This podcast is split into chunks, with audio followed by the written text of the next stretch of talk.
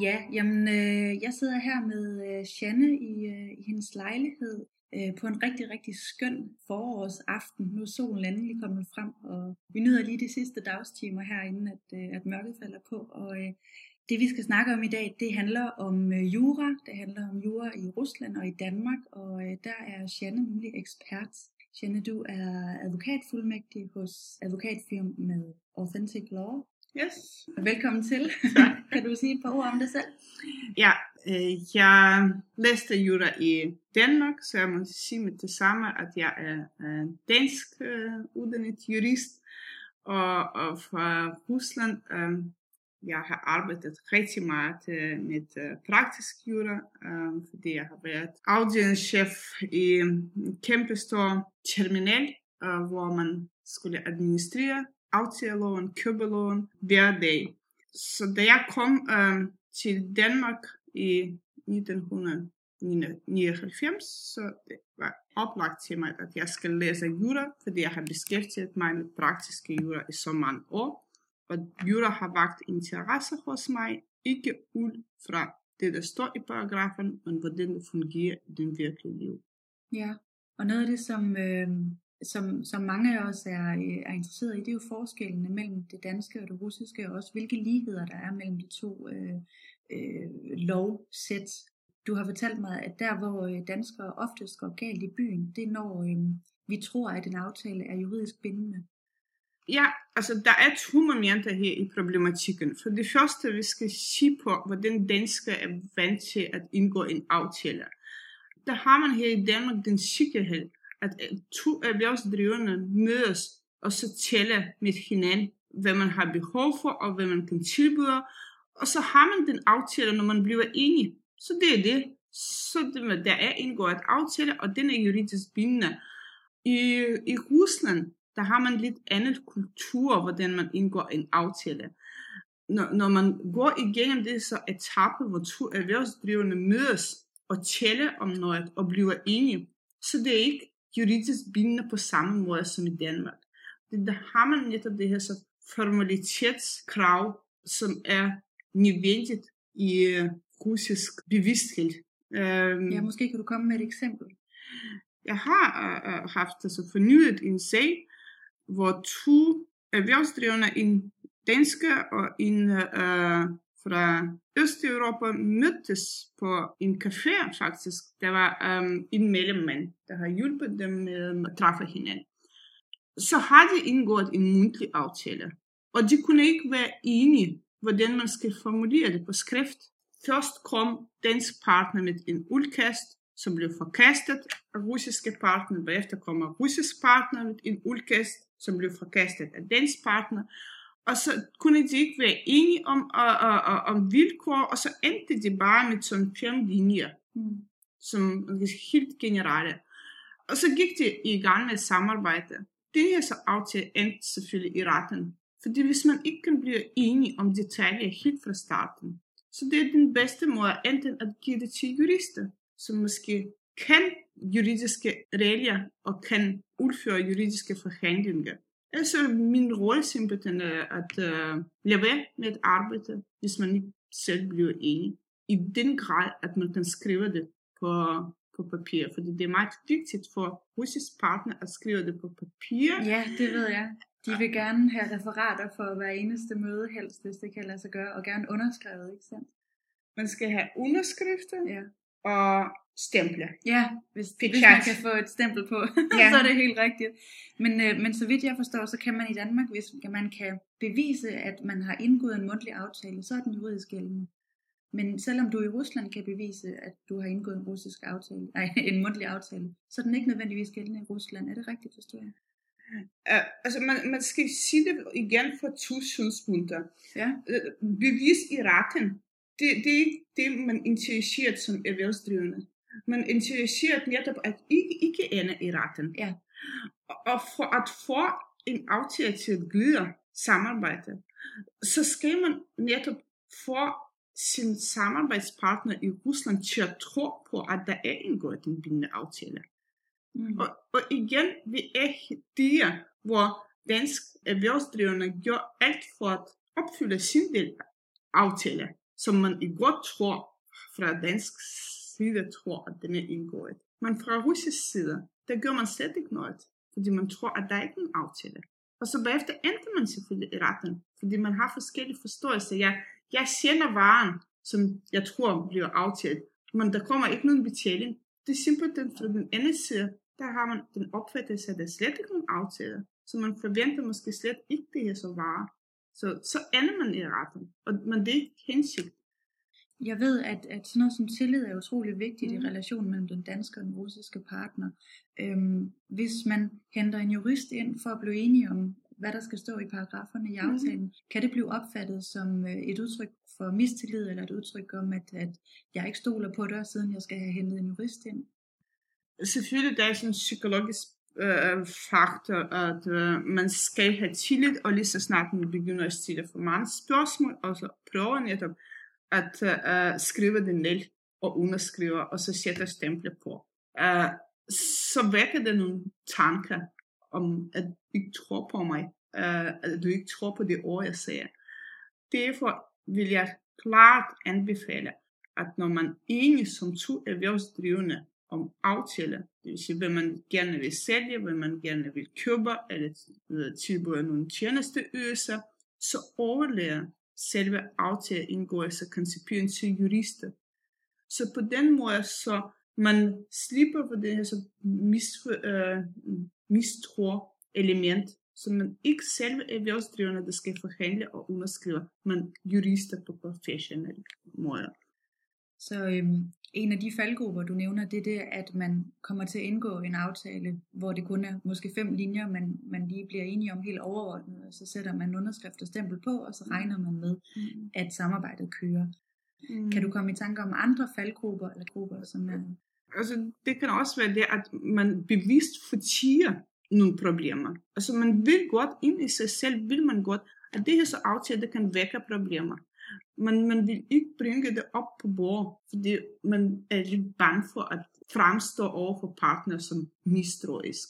Og, og, og det er netop forkert, fordi øh, når man har det spørgsmål, så det er altid en god idé at afklare det helt fra starten. Fordi man ved godt, at det kommer på et tidspunkt, og man bliver nødt alligevel til, til, til at stille det spørgsmål.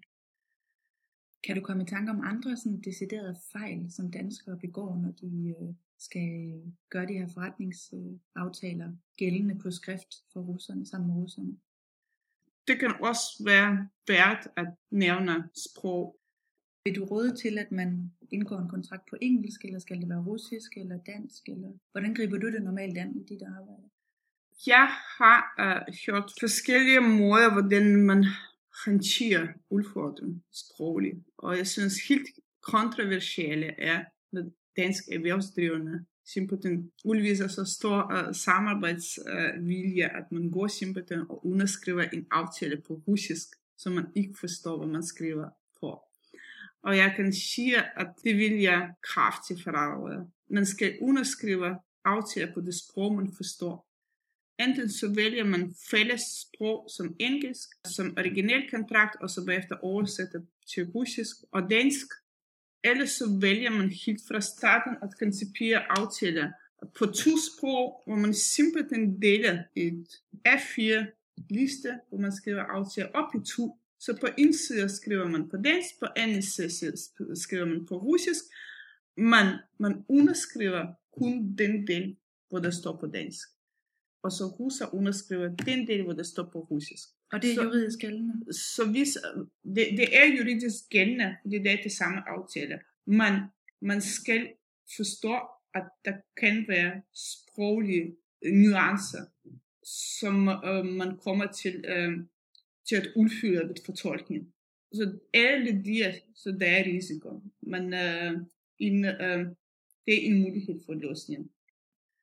Når nu man skal forhandle denne her kontrakt på plads, Øh, jeg kunne forestille mig, at danskeren har sine interesser, og russeren har sine interesser. Hvordan, øh, hvordan mødes man, og hvordan, hvordan foregår hele den her øh, øh, proces frem til, at kontrakten endelig bliver underskrevet? Det skal jeg virkelig... Altså, det er selvfølgelig et meget, meget stort være, spørgsmål. være lidt hårdt øh, imod øh, russisk kultur, men, men, men øh, jeg tror ikke, at... Øh, jeg siger så meget forkert, hvis jeg vil påstå, at russerne har ikke det samme forhandlingskultur som danskere. Altså nu har jeg boet i Danmark i 13-14 år, og det er meget almindeligt i forhandlinger at give noget for at få noget. I Rusland der er det sådan, at man ikke forvente, at forhandlinger, du giver noget, og jeg giver noget, og så man ender til øhm, noget, noget på midten. Øh, øh, nogle gange så kan man komme i en situation, hvor man oplever, at øh, man skal afklare spørgsmål, enten for alt eller intet. Det er dansk forhandlingskultur, men det er meget normalt i Rusland, hvor man, hvor man, øh, hvor man siger, at øh, det har ikke nogen betydning, hvis jeg ikke får det, jeg kræver. Det er også virkelig vigtigt at gøre opmærksom på sine krav. Man skal ikke forvente, at anden side gennemskuer at give os løbende. Man skal også altså, lægge på bord det, man forventer. Så man skal være tydelig i sine egne krav? Ja. Hvordan, øh, hvordan vil, hvis man møder russeren med den her øh, lidt kompromissøgende strategi, som vi har i Danmark, hvordan vil russeren opfatte det? Øh, som en tegn på svaghed.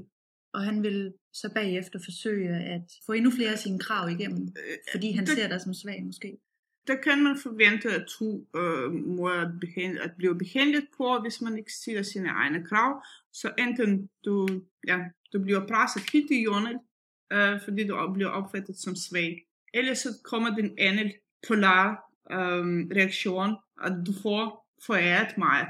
Fordi du er som, som svag part, så får du gaver. Ja. Så det, det er så russiske stolthed, ja. Det kan det også være, at du får foræret helt masse, fordi du kræver ikke noget, så skal du få noget. Så det, det, det, det er ligesom uh, et, et, et spil, et, et, et, uh, et game afhængig af, hvad det for nogle parter, du, du leger med. Uh, om det, det er også svag part i Rusland, eller det er stærk part i Rusland. Hvis det er en svag part i Rusland, som gerne vil have så meget som muligt fra dig, så bliver du simpelthen presset ind i hjørnet. Hvis det er stor part i Rusland, som kan lege um, altså stærk, altså stor stærk selskab, så kan du opnå en kæmpe stor fordel med at spille svagt. Jeg hører tit at øh, om øh, den øh, famøse walkout, det med at, at russeren kan, som en del af hans strategi og hans, en del af hans måde at vise sin, øh, at demonstrere sin magt, så kan han for at rejse sig op under forhandlingerne og gå ud, the walkout. Hvordan har du oplevet det i, i dit arbejde? Altså man skal forstå, at øh, russerne er meget emotionelle og principielle. Så får det, det altså, så enten får jeg alt eller intet, hvis det er noget, der virkelig har betydning for ham. Så man skal virkelig så undersøge, før man går ind til forhandling, så skal man undersøge hver virksomhed eller person, som man skal arbejde. Det er vigtigt netop for ham. Og så kigge også på sin egen position. Er det noget, man gerne vil lege med? På den måde, man kan ordentligt forberede sig til forhandlinger ved at undersøge værdier på den virksomhed eller person, som man gerne vil samarbejde med. Jeg har selvfølgelig ikke svaret på spørgsmålet om, uh, om jeg har oplevet, at nogen står og går. Nej, det har jeg ikke. Men jeg har oplevet, at man bliver simpelthen demonstrativ ligeglad. Demonstra- demonstrativt ja, ligeglad? Ja, dem- demonstrativt ligeglad, at man uh, sidder og ja, spiller med sine briller og, og, og kigger utålmodigt uh, væk.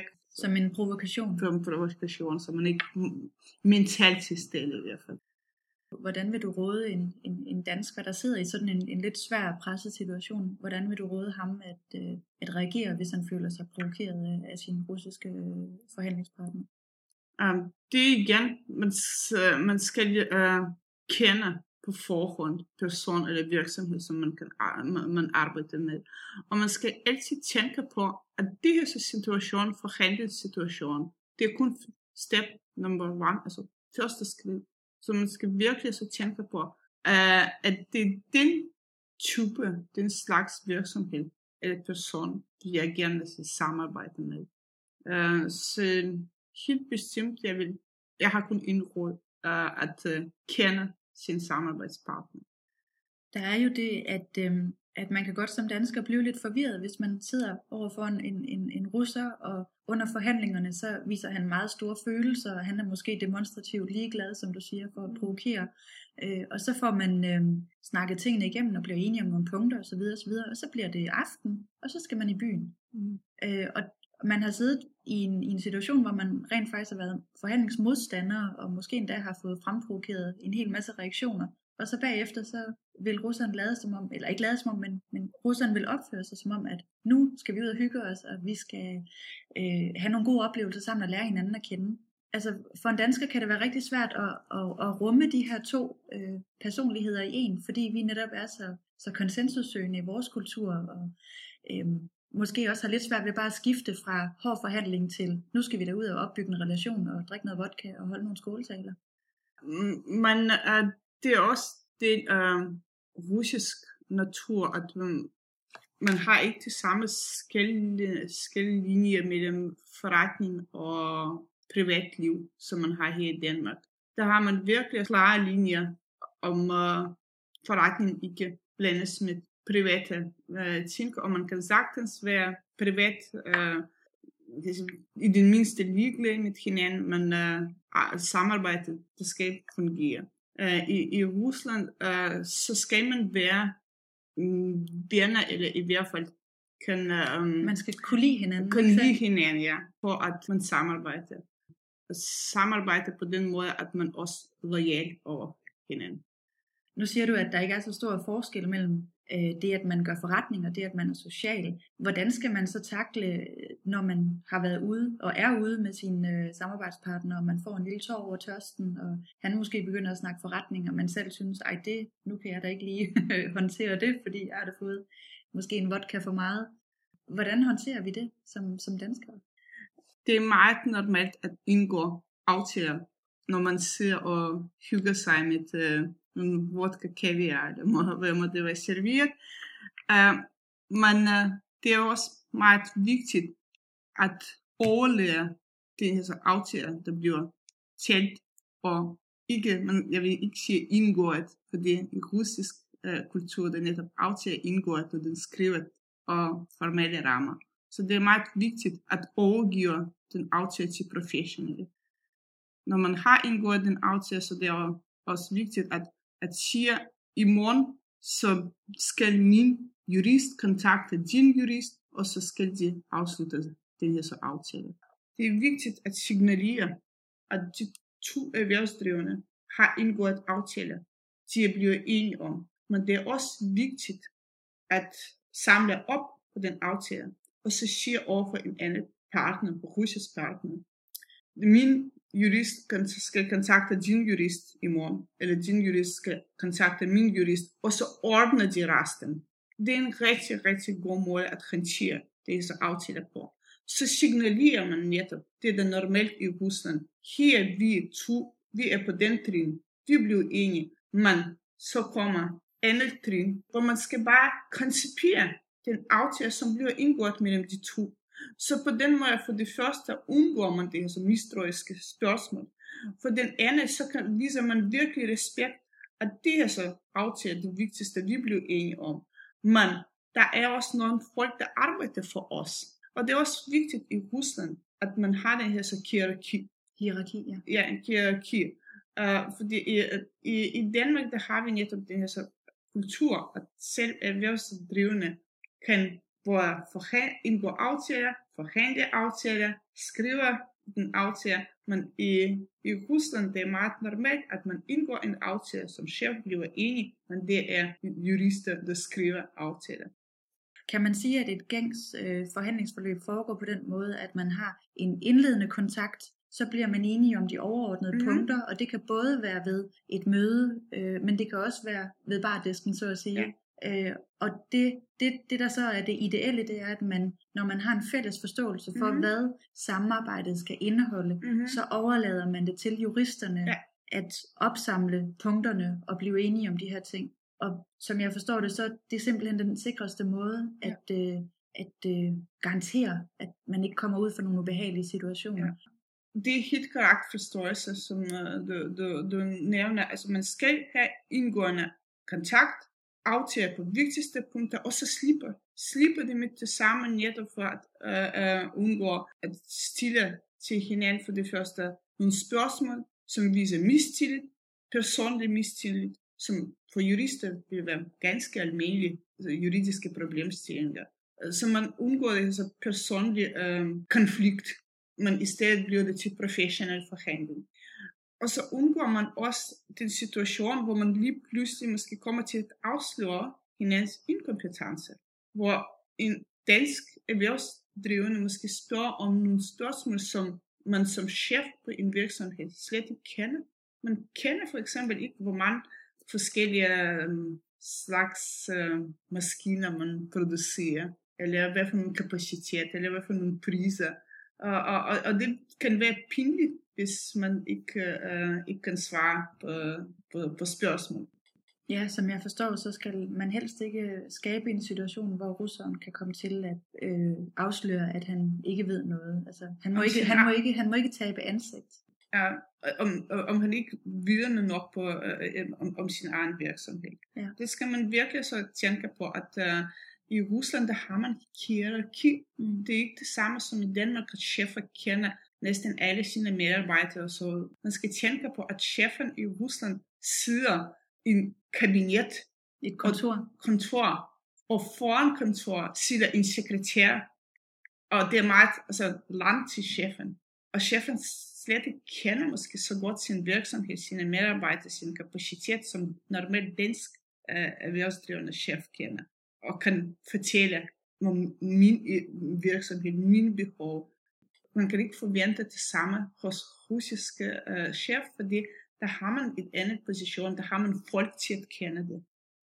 Må jeg spørge dig her til sidst, Jenne, hvad er det for øh, nogle ydelser, du som advokat øh, bistår med ved danske virksomheder? Hvordan jeg siger mig selv øh, i det billede, hvor danske virksomheder gerne vil indgå kontrakt med russer.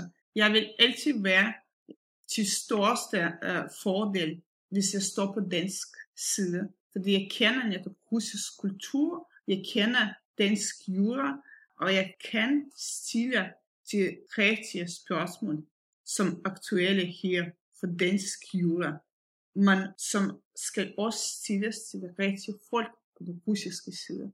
På den måde så kan jeg hjælpe dem både i forhandlinger og vilkår, men også koncipering af kontrakt på dansk erhvervsdrivende side. Ja, du lyder som en, der er rigtig god at have til at sidde ved siden af sig i, i sådan en situation i hvert fald.